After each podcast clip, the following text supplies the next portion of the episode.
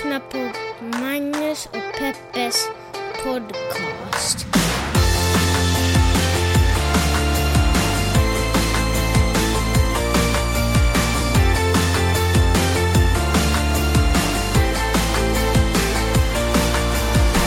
Hallå internet! Det är fredag igen, gud vad roligt! Som vi har väntat på att den här fredagen ska dyka upp. Och nu är den äntligen här, jag hoppas att ni har haft en riktigt trevlig vecka. Peppe, Tackar som frågar. Allt är bra? Ja, det är bra. Miley sov ganska bra den här första natten, eller första, vad fan snackar jag om? Eh, att hon sov ganska bra i natt. Jag är inte Ja. helt återställd, men det är helt okej. Men det kom en annan person in i vår säng. Ja, vet du, sådär är det. Sådär är det att vara småbarnsförälder. Men skit i det, det har hänt så otroligt mycket i underhållningsvärlden som vi måste prata om. Och det största naturligtvis, eh, som är liksom tapetserat på alla människors väggar just nu, är ju det stora uppropet som alla människor inom teater och film, alla kvinnor, eh, eller många kvinnor, över 405, 460 någonting sådär, kvinnor har ju eh, gått ut och delat med sig av sina berättelser och sina erfarenheter i en stor artikel på Svenska Dagbladet. Sidor. Eller, det är revolutionen som sker nu. Ja, är det det Peppe? Är det det? Du, Ingen jag- namn nämnd. Eh, De har ju... eh, Ni har säkert sett på sociala medier den här bilden. Vi vet vem du är och vad du gjort. Hashtag tystnad. ta- Hashtag tystnadtagning. Ganska snyggt. Vet du vad, jag får rysningar Ja, när jag den är läser snygg det. faktiskt. Den är riktigt snygg. Men fortfarande ingen namn nämnd. Eh, Så, ah, vad kommer hända? Vad kommer hända? Kommer Micke Persbrandt aldrig att få jobba mer? Kanske inte. Jag, jag, jag tänker att han är en av människorna, männen som det har riktats anklagelser jag, har, jag bara gissar. Jag, det här kanske är förtal, men jag bara gissar. Han är ju känd för att vara aggressiv i alla fall. Ja. Ja, alltså, är det viktigt att eh, man ska komma ut med specifika namn, eller är det viktigare att alla som vet att de inte har rent mjöl i påsen nu sitter med och är lite nervösa, eller ganska mycket nervösa? Ja, så här. Ja, bra fråga. Jag vet inte. Är det, är det viktigt, ja, men alltså, är det viktigt att, de får sitt, att alla får sitt straff nu? Eller är det viktigt att allting förändras? Eller båda. Kanske, kanske, det, kanske det ena utesluter inte det andra. Kanske straff måste utdelas för att det på riktigt ska, för att vi ska, för att liksom på något sätt lite mer säkra en förändring. Men jag tänker på Timell som fick gå och de tog ner alla hans TV-program. Mm. Det måste få andra män i branschen att fatta att det, det finns konsekvenser. Och Mm. att kvinnor nu har... Det finns en lägre tröskel att berätta om sånt här. Samma sak med Kevin Spacey. Det finns konsekvenser. Det är liksom... eh, Man kan inte hålla... Nu, liksom, gränsen är nådd. Nu är, nu är den tiden förbi när du tror att du kan äga andra människors kroppar. Var det det här Petter rappade om när han eh, rappade att vinden har vänt? Nej, det var det faktiskt inte. Ah, okej. Ja. Men, Men, men, eh, men, tycker du att det, måste huvuden rulla? Måste huvuden rulla i den stora frågan? Eller kan alla bara vara sådär, alla män är ju supernervösa nu. Och vad heter det, är det straff nog? kan vi lämna det där eller vad ska jag... Hur nervös är du, Magnus? det låter som att jag är Ja, skitnöjd. du bara, men jag säger... Jag har inte våldtagit någon så jag känner mig, alltså, jag, det, det, ja, jag, jag låter det vara osagt. Kommer det så får jag väl stå till svars för det. Kommer det... Nej, alltså någon, någon anklagelse eller någonting riktats mot mig så får jag väl stå till svars för det. Det är väl inte... Så, så måste jag ju göra. Jag eh, tycker att det är viktigt att uh, åtminstone en del huvuden får rulla. Jag behöver liksom... Ja, för jag tror Mer att det, än de som redan har rullat. Ja. Jag tror att det får inte sluta rulla huvuden nu, men det måste... Ett huvud i veckan ungefär måste rulla för att den stora massan... Inte, ingen får känna sig säker. Alla de som har begått sexuella trakasserier ska vara jävligt nervösa nu, för det kan vara att deras huvud är nästa. Det vet de inte. Det kan vara att de klarar sig. Det kan vara att de inte klarar sig. Jag tänker sådär eh, att, eh, ja, vetskapen om att det kan gå riktigt dåligt, så väljer de att inte göra det. Så man väljer att... Hur... Okej, ja fortsätt. Nej men jag tänker, jag försöker komma på en bra jämförelse, att eh, inte köra för fort till exempel. Antagligen blir du inte fast, men om du blir fast så får du ett straff. Kan man säga att de här männen har kört lite för fort? Nej, det kan man verkligen inte Det säga. var en jättekonstig Nej liknelse. men hitta på en bättre liknelse då. Nej, du det, är min, alltså, det är min akilleshäl, liknelser. Kom on, jag körde bara lite för fort och så råkade det vara en kamera där. Ja. Nej, men jag fattar, jag fattar vad du menar. Eh, fråga nummer två. Är det viktigt att de här männen får sitt straff i offentlighetens ljus? Ja. Och, alltså är det här, är det liksom, behöver vi Stockholms blodbad? Är det det?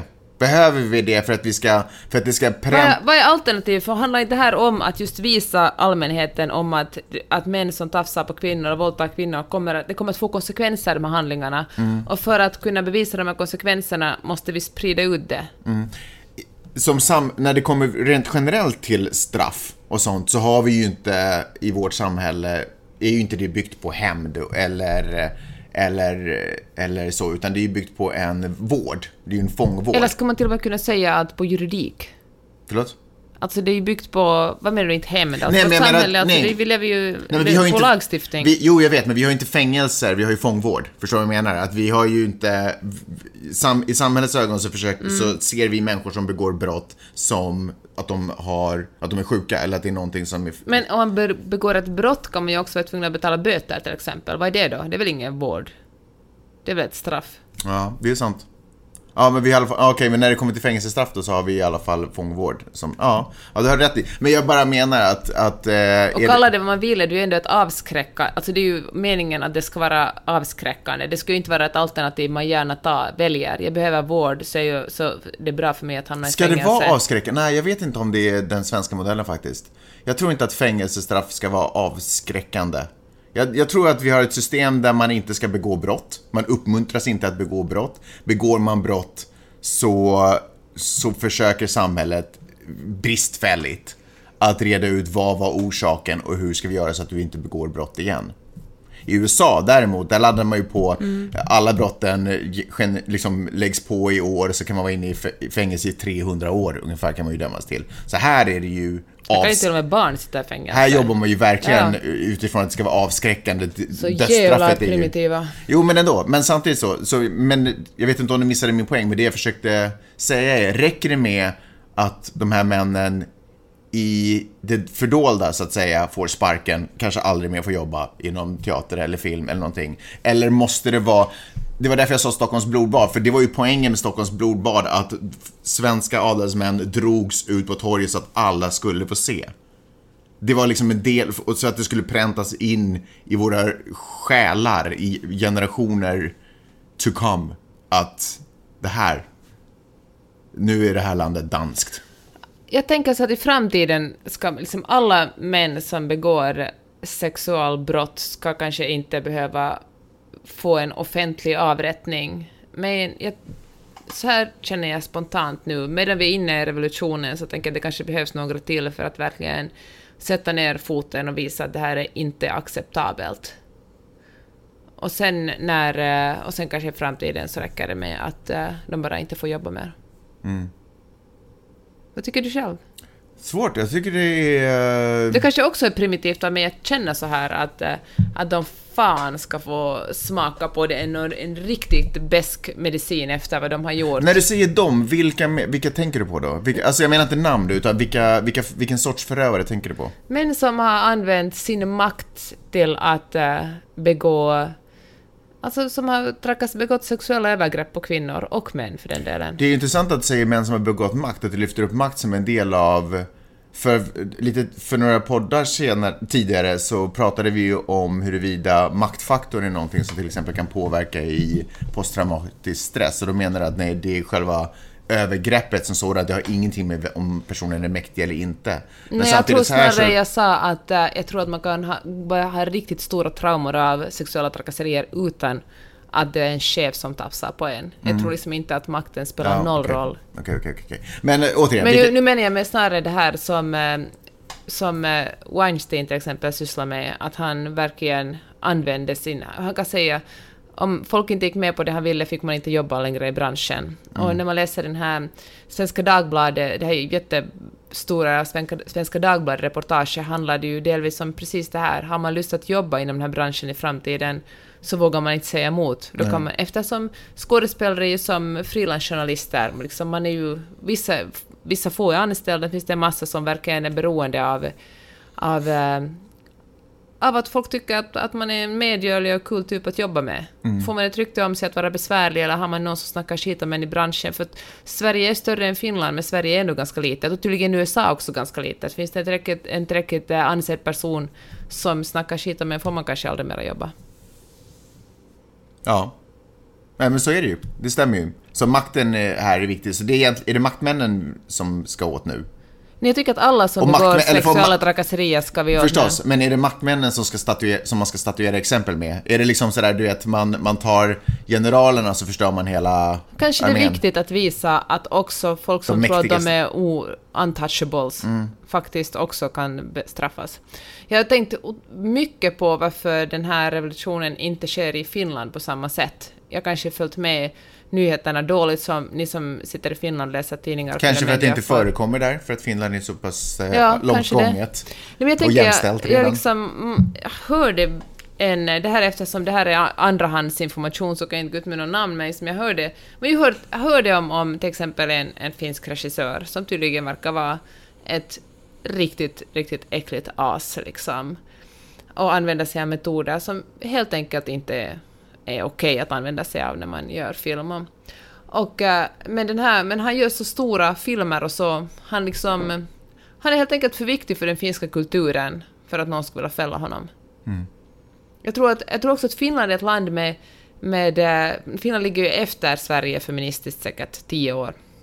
Men Finland är också ett land där man är så man är ängsligare och vi är liksom inte lika stora, om ni ska jämföra med Sverige, vi är inte lika stora på, ni har ju en massa stora skådespelare, Oscar-nominerade filmer och Cannes-filmer och det ena och det andra.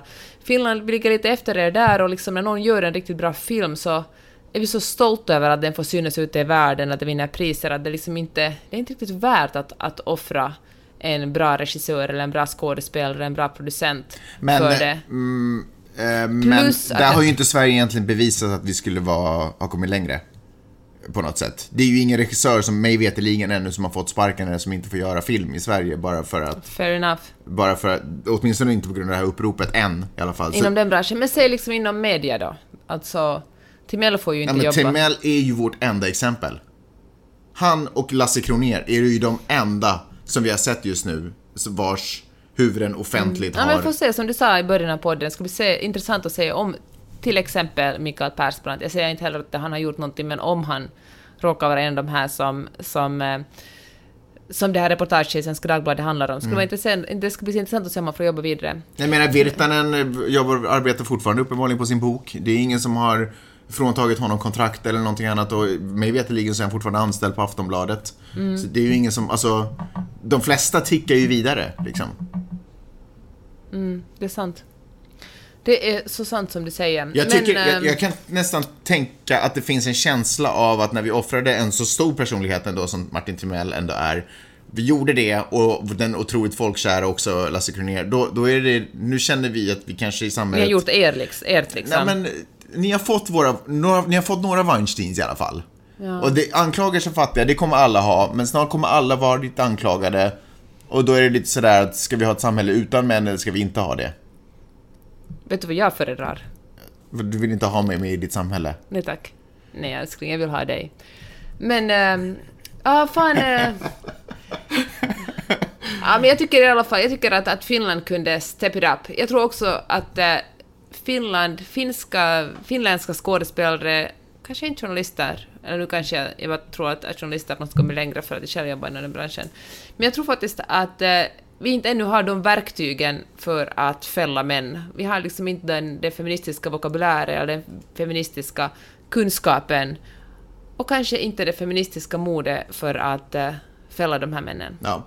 ja, men det är klart, så länge public service och eh, media väljer att hela tiden diskutera om det är synd eller inte synd om män, så då är det klart att då, då är det ju svårt att föra upprop som eh, tystnadtagning på, som liksom är nu på SvD och egentligen över hela media Sverige just nu. Det finns ju inte ett mediebolag som inte rapporterar om det. Sen en sak, Johan Hilton på Dagens Nyheter skrev en jättebra kommentar till den här eh, jag kan lägga upp den på, på flipboarden så kan ni också läsa till den här Svenska Dagbladet-texten.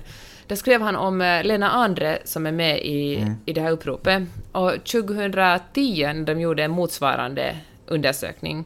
Då hade hon stått på den andra sidan och, och, liksom varit ovillig att, att säga att det sker sådana här sexuella trakasserier. Hon hade sagt att, att eh, teater är liksom en, väldigt, en av de mest intima grejer man kan göra mm. och det är svårt att dra gränser vad som är sexuella trakasserier. Och, och, eh, och det var otroligt glädjande att eh, det har hänt så mycket på sju år, att hon har kommit, liksom, hon har kommit eller hon har kommit till den sidan och fått på något sätt ett feministiskt uppvaknande eller feministiska verktyg att säga att det här är inte acceptabelt. Eller kanske känna att, att hon inte längre behöver skydda de här männen eftersom hon är... Hon var ju otroligt etablerad den 2010 men att hon liksom är på en sån nivå att hon verkligen kan visa långfingrar de här snubbarna. Mm. Eh, I det här uppropet, så det, eller i, i anslutning till det här uppropet så har naturligtvis SVDs eh, journalister intervjuat eh, de som har uttalat sig och eh, ansvariga för de här olika institutionerna. Och eh, till och med hon som eh, är ordförande för Operan har kommit ut och berättat om liksom, vad hon har utsatts för. Eh, den enda som egentligen inte har eh, liksom ha, haft egentligen någonting att bidra med är Dramatenchefen, nu kommer inte ihåg vad han heter, men den, egentligen den enda mannen i situationen. Eh, som, eh, han, eh, han har inga, så här, inga grova brott, rubriken lyder inga grova brott har rapporterats till mig. Det är liksom, det är så, ja, det är så oinsikts... Ja, men exakt, det är så oinsiktsfullt. Ja, men ja. jag tänker också på alla de här männen eller, som kommer ut och säger sådär, vare sig det handlar om folk i Kevin Spaceys närhet eller i liksom eh, skådespelarbranschen i, i Sverige som säger att eh, vi visste att det här skulle, vi visste hela tiden om det här, alla visste det här, eller Weinstein, alla visste om det, vad mm. skönt att det kommer ut nu. Och jag tänker att eh, okej, okay, fan vad bra att ni säger och liksom backar de här kvinnorna och står bakom dem. Men ärligt talat, om ni har vetat om det här så länge, så det riktigt hjältemodiga skulle verkligen vara att, att göra någonting åt det lite tidigare än först nu när den ligger ute.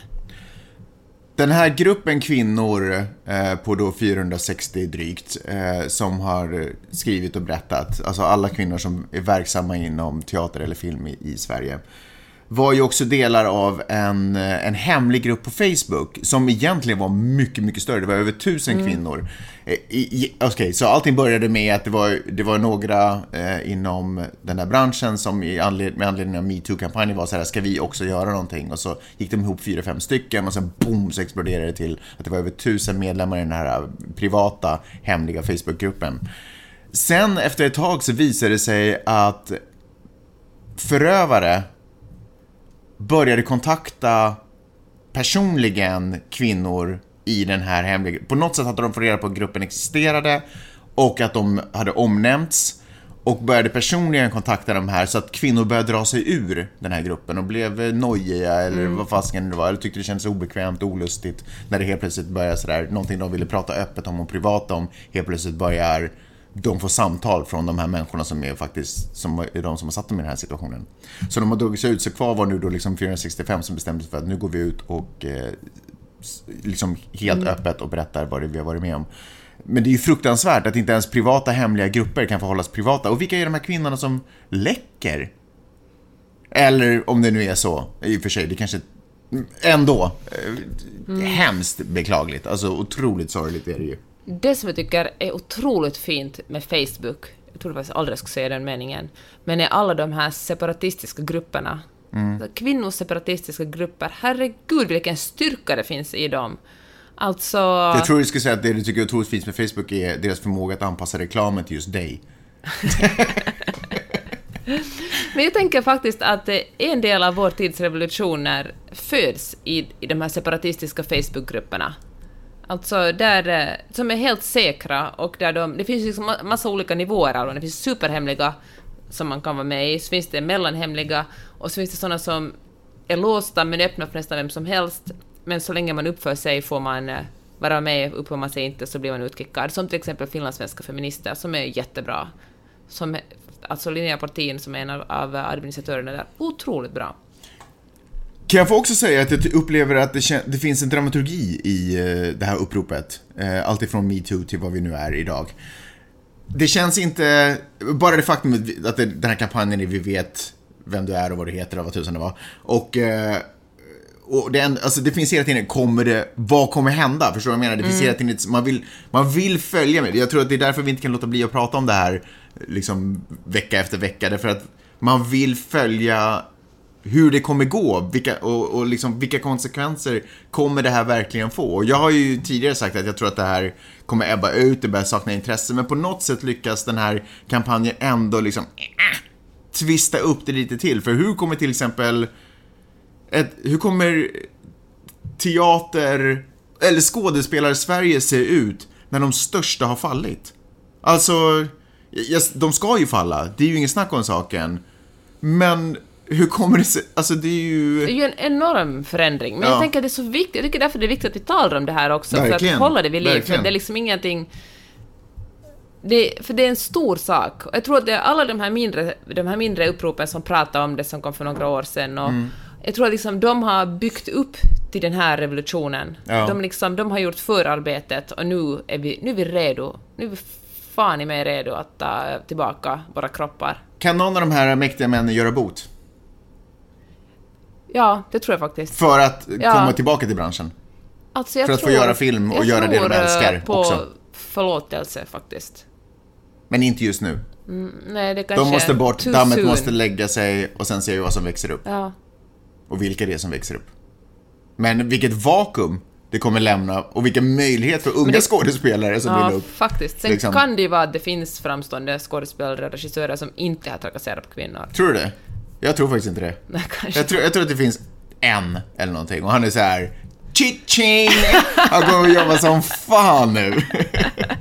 Men tänk också bara det, att det är lite av en främmande tanke att det skulle vara lukrativt att bete sig schysst och empatiskt mot andra människor. Som den här då regissören som är kanske den, den här enda regissören som är schysst och hygglig mot alla, som är den enda som kommer ha jobb nu efter att alla huvuden har rullat.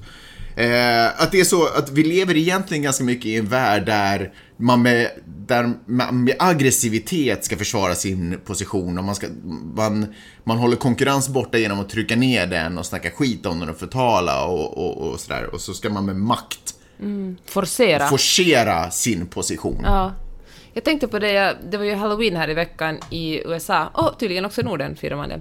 Och då skrev jag en... Alla hjärtans dag heter ju det då i och för sig, men Så sant, det heter ju Mm. faktiskt alla hjärtans dag. I alla fall, eller alla helgons dag, det beror på. Var, var heter alla helgons dag? Skämtar Nej men nej, herregud vad dum jag förlåt. Alla vet det älskling. I alla fall, så skrev jag en krönika på Hufvudstadsbladet som handlar om att eh, när man klär ut sig, vare sig det är alla hjärtans dag, alla helgons dag eller halloween, Ja, ja, ja, så, så ska man helst undvika att klä ut sig till någonting som gör en annan människa ledsen. Man ska till exempel undvika att klä ut sig till en hudfärg, en eh, kultur, Eller någons avlidna mormor. eller en eh, funktionsnedsättning, eller en sjukdom, eller någonting som kan göra någon annan ledsen. Vadå klä, ja, klä, klä av sig? Klä ut sig till någons, till någon funktionsnedsättning? Vad betyder det?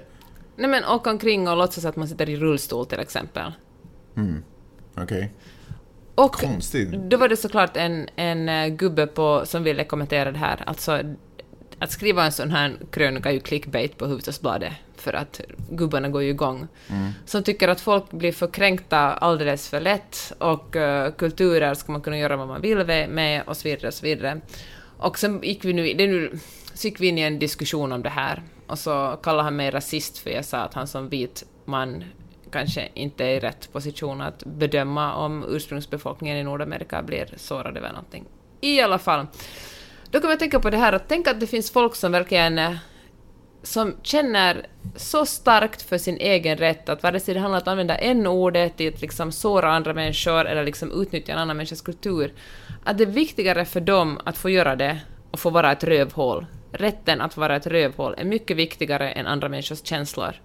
Jag vet det låter superbanalt när jag säger det, men det skulle vara världens enklaste sak att välja ett annat ord, att välja en annan kostym, eller att välja förstå att, att det finns äh, folkgrupper som har blivit diskriminerade och förtryckta, och då väljer man att inte kanske utnyttja dem ytterligare.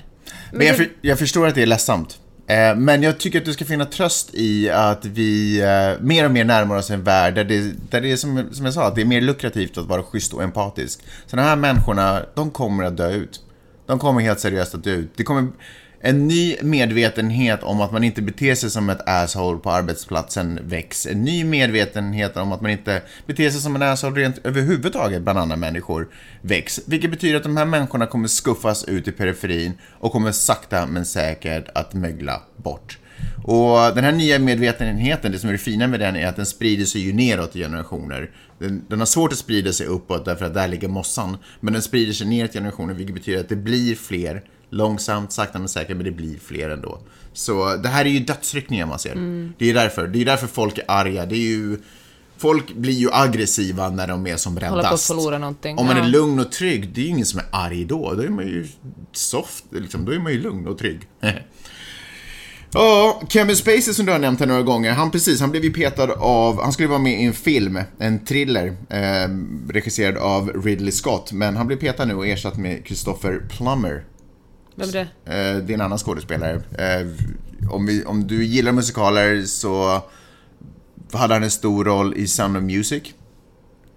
Alltså, jag visar en bild på honom. Så här ser han ut. Du har garanterat sett honom. Ja, vilket fall som helst. Ni, ni andra får googla. Christopher Plummer. Eh, så Kevin Spacey, alltså... Det är downhill för honom nu. Alltså det är ju...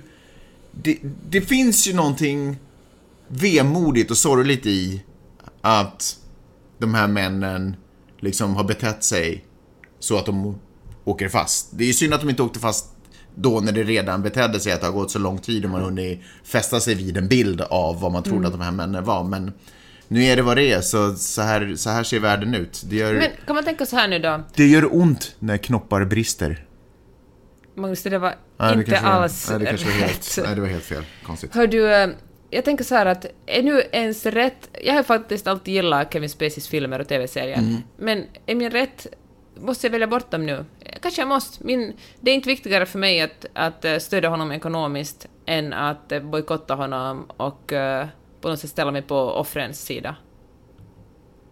Jag fattar ju det är världens minsta pyttelilla bagatell om jag ser en film eller en TV-serie, men att det ändå på något sätt är ett ställningstagande. Jag tycker inte att du behöver ge bort, ge upp, eh, ge upp det. Det tycker jag inte. Du, du, du kommer ju aldrig kunna se en film med honom nu ändå med samma ögon som du gjorde tidigare. Så jag tycker du kan mycket väl unna dig att se filmer som han har varit med i, för du kommer ändå se dem som nya sorters film. Jag tycker att det här är lite samma sak som att, ska jag nu sluta läsa... Men vadå, är det sådär som Nej, men att lyssna. i och med under apartheid ska man köpa liksom eh, ska man köpa sydafrikanska viner och sen Nej, men- tycka att de smakar äckligt Men vadå, ändå du köpa tänker dem? att Kevin Spacey får massa pengar varje gång du tittar på hans filmer? Han Ja. har redan fått sina pengar. I de flesta fall. Du kan inte göra, det kan inte vi göra någonting åt. Det är, liksom, det är, det är lite så här, ska jag bara, nu sluta läsa Astrid Lindgren bara för att jag förstår att det är inte är så bra att ha en negerkung i Söderhavet. Man kan också, man kan läsa... Det var ju inte alls samma Jo, sak. det är väl visst samma sak. Varför det här, det? Därför att det här är ju nu kulturella dokument som redan finns ute. Du kommer aldrig läsa den boken på samma sätt ändå, därför att man har ju ett nytt medvetande, man förstår ju på ett helt annat sätt. Det här är ju, det här är ju, eh, det här är ju kulturella dokument som är nu till för eftervärlden att betrakta. Nej, vet du, det där är faktiskt inte samma sak. Jag det att det det står en ord i Astrid Lindgrens böcker, sen gick hon ut och sa att hon ångrade, hon tycker inte att på den tiden skrev man så, hon Mm. skulle aldrig någonsin mer skriva det här ordet, det liksom, hon skriver Söderhavsgung istället. Det är en sak. Att en, eh, en eh, sexualförövare har varit med i filmer är ju liksom inget historiskt dokument i sig. Han, liksom, han, jo, det är för att det återspeglar ju en tid att han fick vara med i en massa filmer. Jag menar, jag säger inte att du ska läsa de här gamla versionerna av böckerna för barn. Åtminstone inte utan en, för en diskussion kring det. Men jag tycker inte att du behöver, i egenskap av vuxen med förståelsen, behöver inte hindra Nu dig vet själv. jag inte hur affärsmodellen ser ut, jag borde säkert veta det, liksom om han får pengar Det finns för säkert varje, olika affärsmodeller. varje film eller TV-serie som han har gjort. Men man kanske kan tänka så här då, att de som tjänar pengar på det här kanske är noggrannare med vilka filmer de distribuerar om folk inte vill titta på filmer med dömda sexualförbrytare i. Ja. Jag bara tänker så här, för det första har jag väldigt svårt att föreställa mig att du bara skulle få ett sånt omotståndligt sug att se någonting av, som Kevin Spacey har medverkat i. Så hela diskussionen är ju rätt hypotetisk från början, men jag bara säger att om du verkligen får det. Men det finns ju en miljon andra filmer att välja på då. Det finns massa filmer att, att titta på, absolut. Men jag tycker till exempel det finns anledning att titta på House of Cards avsnitt igen. För det finns massa andra fantastiska skådespelare där eh, som man kanske också vill eh, avnjuta deras performance av. I och för sig. Men undvik soloföreställningar med Kevin Spacey de närmaste tio åren i alla fall. Okej, deal. Eh, Mariah Carey har också fått anklagelser riktade mot sig. Det är hennes före detta livvakt som säger att hon har hållit på sexuellt trakassera honom. Eh, kanske, alltså, kvinnor som får anklagelser riktade mot sig, jag menar, det är ju, ingen ska ju sexuellt trakassera någon och ingen ska ju... Alltså folk ska De har ju bara ett upp- jättetydligt maktförhållande. Ja, verkligen. Och folk ska naturligtvis sluta bete sig. Kan ändå känna att den faller lite. Alltså, Varför det? jag, jag ser att det finns anledning att rapportera om den. Men jag känner inte att jag måste stanna upp och bara, åh nej, undrar hur han har det. Alltså, jag vet inte. Jag, jag känner inte... Varför det? Intressant. Därför att trots För att maktförhållanden... kvinnor systematiskt blir trakasserade hela tiden då. Det är anledning A. Anledning B är att, ja, det finns ju ett maktförhållande i egenskap att hon är hans chef och hon är multimiljardär och var, eller det kanske hon inte är, men väldigt rik och, och den saken. Och han är liksom bara inom citationstecken hennes, eh, hennes eh, livvakt. Men när han lämnar jobbet och går iväg och, gör- så är han tillbaka i en maktposition igen. Alltså han... Förstår du vad jag Som menar? man, liksom. Ja, han är bara i den situationen är han inte i maktpositionen. Förstår vad jag menar? Ja, men, men, men det sagt Ja, så... fan det är svårt, alltså du är ute på, du är ute på väldigt eh, svag Nej, men därför att en kvinna som är på arbetet eh, och blir utsatt av eh, sin skådespelarkollega som är, har vunnit priser och är känd och, börjar, och, och beter sig mot henne. När hon lämnar det jobbet och går ut i resten av samhället så blir hon fortfarande illa behandlad eller hon är fortfarande i en lägre Men maktposition han kan ju gentemot förlora alla jobbet och förlora sin inkomst om han Vem? säger nej. Det, Han? Ja. Och kanske inte kan betala av lånet på sitt, eh, på sitt hus och så blir hela hans familj hemlös. Ja, det stämmer i och för sig. Eh, och så står han där i hemlösekassans kö tillsammans med några andra kvinnor som har fortfarande högre status än. Såklart, men jag menar, jag, är det farligt? Jag tycker också, jag tycker det är viktigt att man inte förminskar att män också utsätts Jag för tror det att här. jag var ganska tydlig med att säga att jag tycker inte att det är bra att någon, alltså att jag förstår Jag vet, att det är men du kan också, fruktansvärt. det, det där är lite det argumentet att men eh, varför jobbar du här för feminism? För det finns kvinnorna i Afghanistan hade ju mycket värre. Det finns alltid någon som har det värre, men jag tycker Jo. att vi måste bara sopa rent. Det stämmer, absolut. Men jag tycker, jo, det, det stämmer. Eh, Men för mig är det ändå liksom... Du, du kan vara, du kan ha det, du kanske inte är topp 10% rikaste männen i, i Sverige, eller ens topp 50, men du har det fortfarande ganska bra, för att du är fortfarande en vit man i det samhället. Nu vet inte jag hans hudfärg den här snubben, men jag bara menar, han är, for, han är fortfarande bra för han är fortfarande en man i västvärlden. I förhållande till kvinna i samma position. Fair enough, han behöver kanske inte bli talesperson för metoo-upproret, men jag tycker vi ska ta hans, Känn som han har utsatts för, på allvar. Känn på den här. Eh, kändisen som, eh, som ska övervakas är Justin Bieber. Bieber. Inte... Varför snackar du om? Nej men lyssna, jag, jag vänder på det här nu. Det är inte Mariah Carey som ska övervakas utan det är Justin Bieber nu. Och, eh, och vakten är inte då den här Michael Arnello utan det är istället Sandra Puffin som är stor och stark. Och det här, och Justin Bieber börjar behandla sig illa mot henne. Det är väl en värre situation än... Alltså, Fast jag tycker det, nu gör du samma sak igen. Du säger att det finns faktiskt folk som har det värre. Ja, det finns värre situationer, men jag tycker ändå att det är jätteviktigt att vi talar om, om, om maktförhållanden och hur en chef kan utsätta sina anställda för väldigt obehagliga situationer. Alltså jag, jag förstår att generellt har kvinnor det värre än män eftersom män, speciellt vita män, automatiskt är mer privilegierade och har högre status.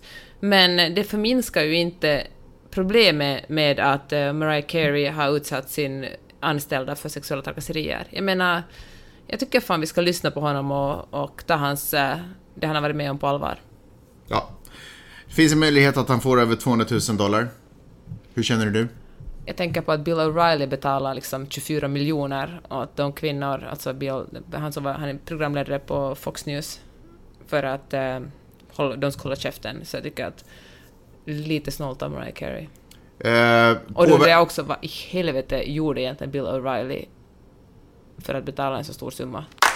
Och så ett fall för eh, vi fem i Sverige, nämligen DN skrev för ett tag sedan, ni ska se här, jag har den framför mig, ja nu kan jag nu uppdatera den sen 27 oktober, men DN publicerade en artikel eh, där det står så här, svenska komiker utreds för misstänkt våldtäkt. Och, och den stora frågan är naturligtvis, det stora dunklet är, vem är denna stora svenska också beskrivet som den folkkära stora svenska komikern.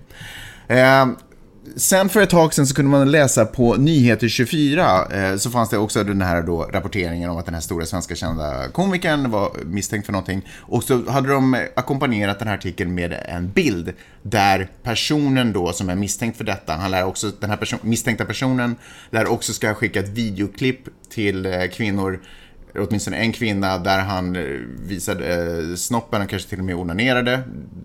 Kanske låter vara osagt, men åtminstone visade snoppen och, skrev, och kallade henne för hora och verkligen så här eh, superotrevligt. Och i den här videon så är det liksom, han visar sitt ansikte också, så det är inte en fråga om vem det är, huruvida det skulle vara samma person eller inte.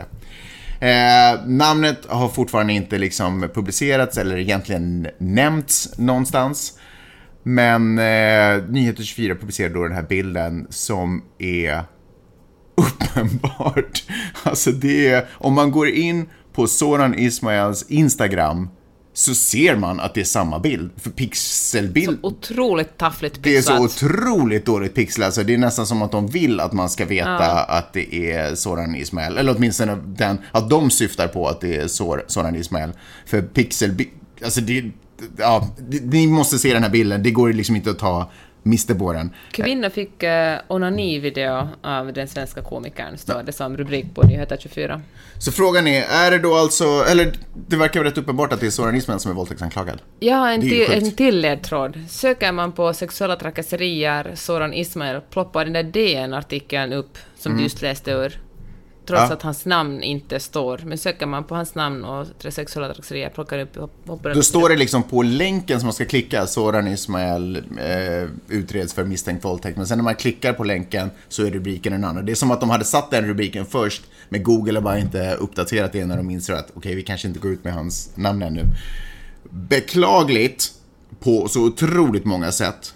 Kan jag också säga att det är ju inte chockande att sådana här rasistiska sajter där hittar man hans namn. Där har de inte liksom censurerat hans namn på något sätt. Eller Nej men de gottar ju sig extremt de mycket verkligen sig Samma sak som med Fredrik Virtanen som också hade profilerat sig till att vara en, en, eh, en, en, eh, en person ja. som står upp för kvinnors rättigheter. En feminist och, ja, en feminist ja. och liksom antirasist och uh, precis som Soran Ismail har. Men mm. jag tycker liksom, av det här kan vi lära oss uh, några saker. Ja. För att allting i Ja, alltid kan man plocka några guldkorn också ur så här sorgliga historier. Stämmer.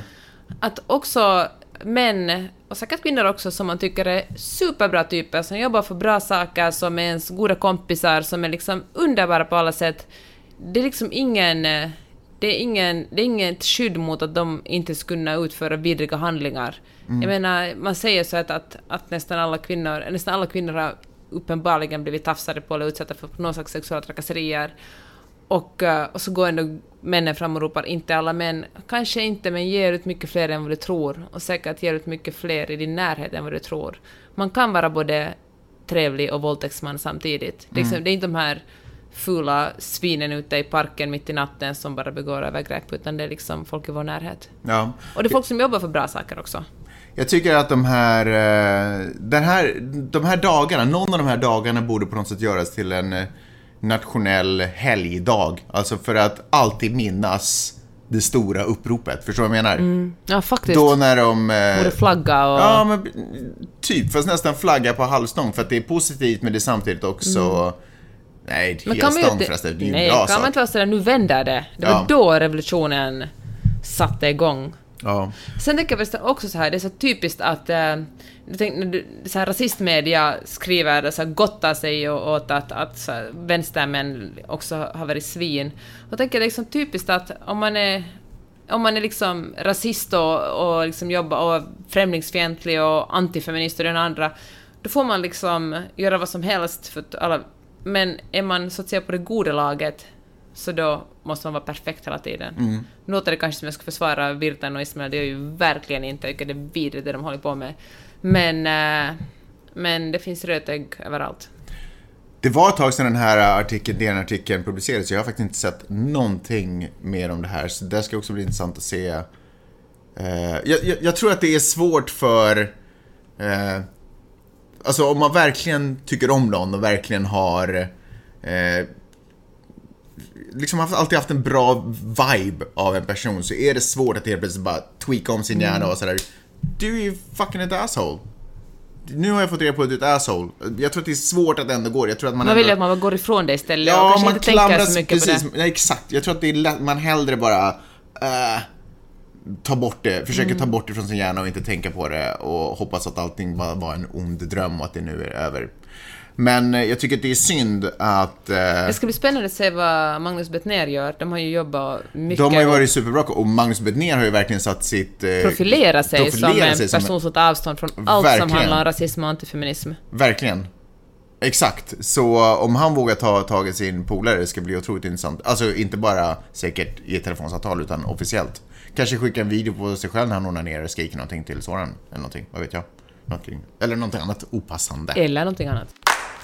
Kan man också bara, jag, jag känner att jag vill börja runda av det här för att det har faktiskt också hänt bra saker i eh, USA som jag skulle vilja ta upp. Men kan vi bara diskutera om när, när det rubriceras till exempel i SvD då, bransch i chock. Nej, det är det branschen inte.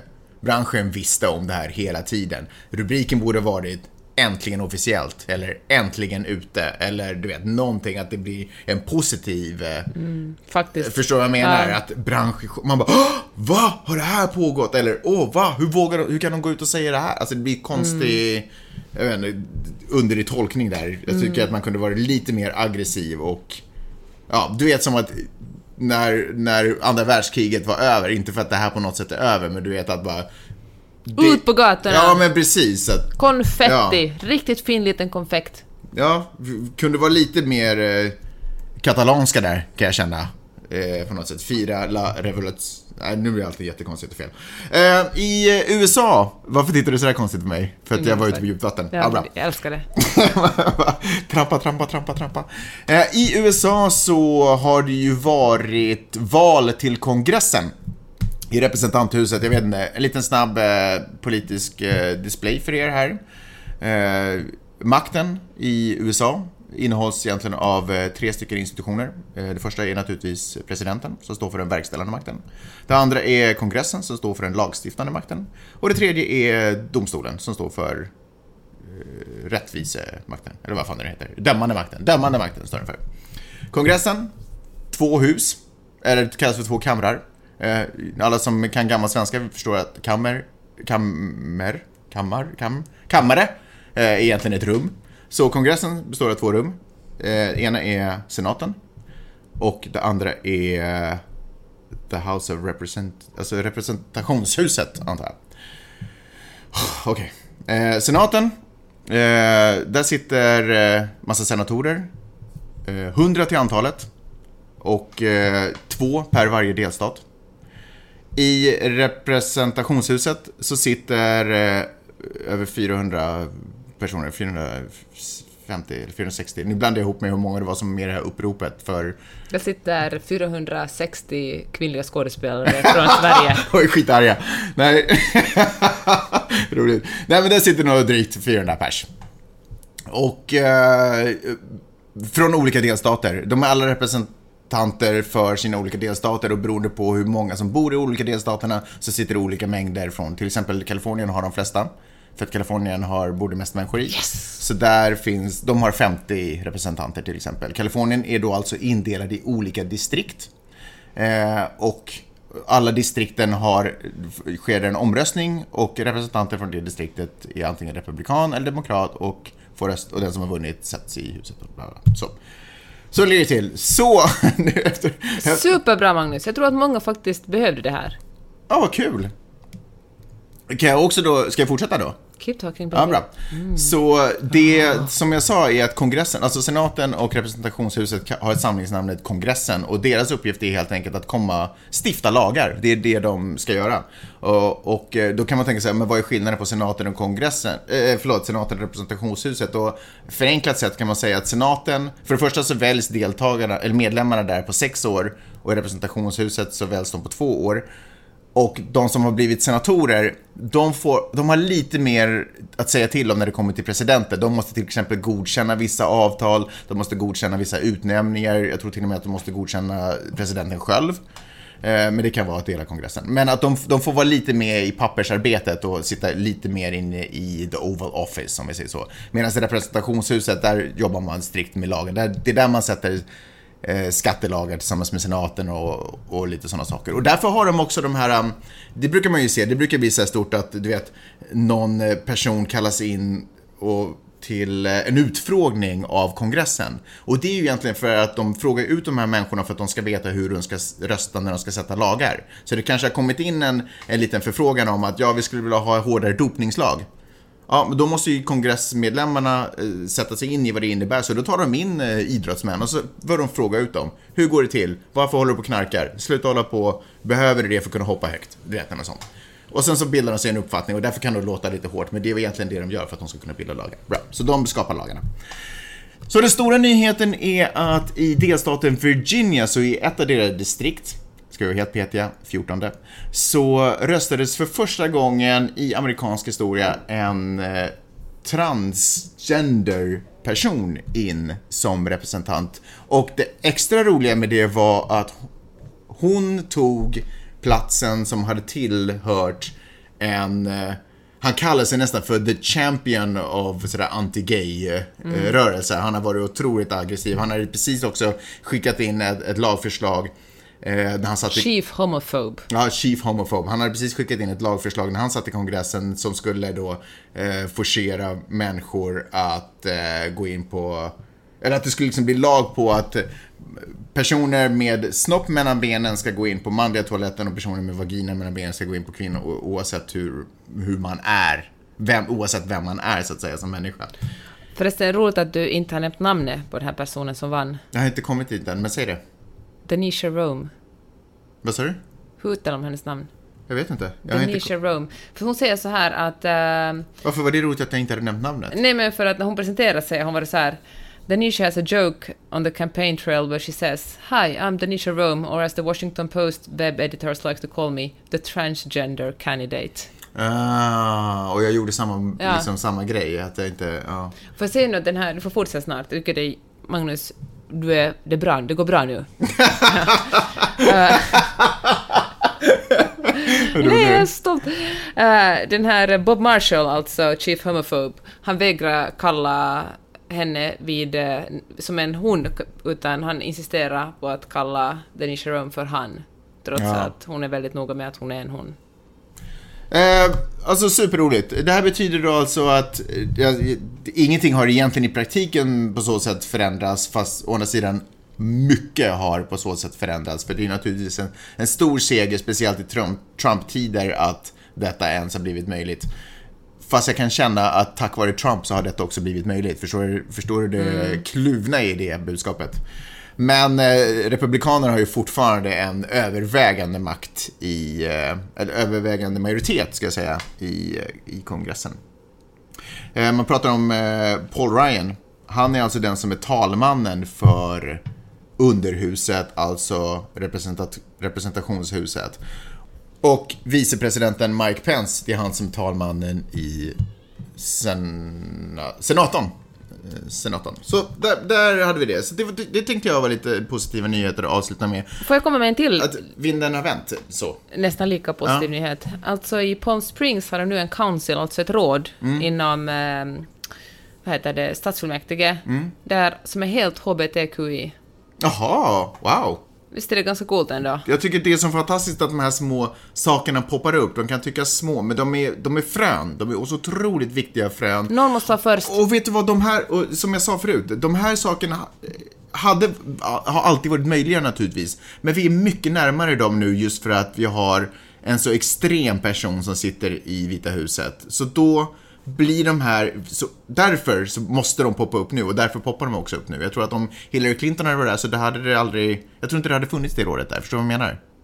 Därför att behovet hade inte varit lika jag stort. håller inte med. Jag tror inte det. Jag tror inte det. Jag tror inte det. Jag skulle tacka Trump för det här. Jag skulle tacka Trump för sin idioti, för att han ger möjligheter att... För han sätter ju spotlighten, han tvingar folk att välja, han tvingar folk att göra upp med sig själva och han tvingar folk att reagera och agera. Jag håller fortfarande inte med dig om det. Men eh, jag är ändå glad. Kul att du är glad. Jag är så otroligt glad att vi har eh, gjort ett avsnitt. Det blir ju supermycket metoo, men det här är viktiga saker att prata om. Så jag gör det gärna. Och vi har inga rättigheter till det här, det ska jag säga dig. Eh, men kommer ändå spela Vinna en vänt med vi samsas som fan för hela branschen luktar häcken. Hey, jag brinner för det här permanent. Aldrig för stunden naturligt bunden med kärlek som cement. Vi bygger från grunden på allt skit som har hänt. Det är min tur nu, vinden har vänt. Vinden har vänt, jag, jag brinner för det här permanent.